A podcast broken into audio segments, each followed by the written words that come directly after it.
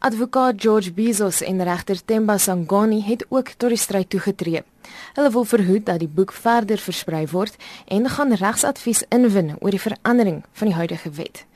Moseneke sê Ramlakan het nie hom of Mashal genader oor die publikasie van besonderhede oor Mandela se siekte nie. Hy sê die skrywer moet verantwoordelik gehou word vir sy sogenaamde wangedrag en onetiese besluite. At that level alone it is not only unlawful but also in terrible taste.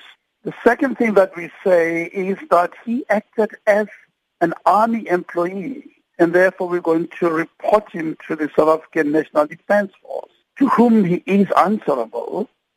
He was not a private doctor, he was a public servant doing a public duty, and there are limits to what he may write about there. But also he's a doctor, and therefore we're going to report him to the Health Professions Council. Who should be able to hold him accountable. Die boek se uitgewer, Penguin Random House Suid-Afrika, sê geen verdere eksemplare van die boek sal verder versprei word nie uit respek vir die familie. Die boek is aanvanklik vrygestel met die veronderstelling dat die korrekte toestemming ontvang is. Volgens die uitgewer was die doel om Mandela se dapperheid in sy laaste dae te beskryf.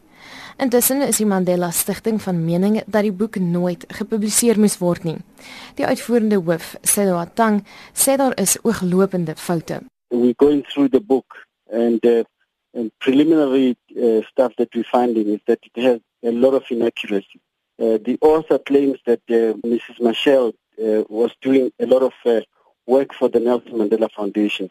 That can only be out of ignorance because Ms. Mitchell does not work for the Nelson Mandela Foundation nor is she a trustee. Die president van die Raad vir Gesondheidsberoepe in Suid-Afrika, Khosile Tlhape, sê toestemming moet eers gegee word voordat die mediese besonderhede van enige pasiënt blootgelê word.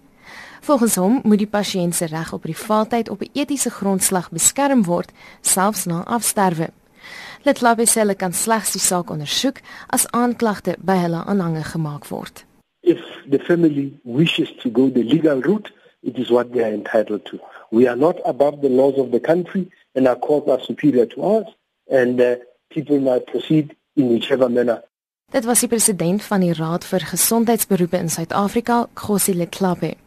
Dr Ramlakane en die boek se uitgewers kon nie vir kommentaar bereik word nie. Hierdie verslag is saamgestel deur Noma Belani.